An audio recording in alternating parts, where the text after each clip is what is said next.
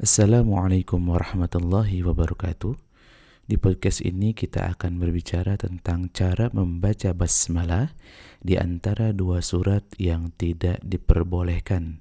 Kalau podcast sebelumnya diperbolehkan, kalau yang sekarang apa sih yang tidak diperbolehkan ketika kita membaca basmalah di antara dua surat?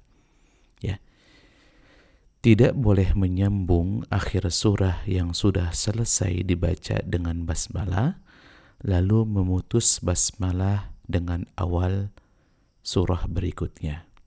Saya contohkan misalkan ولم يكن له كفوا أحد بسم الله الرحمن الرحيم diputus kemudian kita membaca selanjutnya surat selanjutnya. Kul a'udzu birabbil falaq.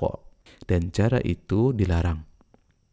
Karena mengesankan bahwa basmalah itu bagian dari surah yang selesai dibaca. Begitu. Ya alhamdulillah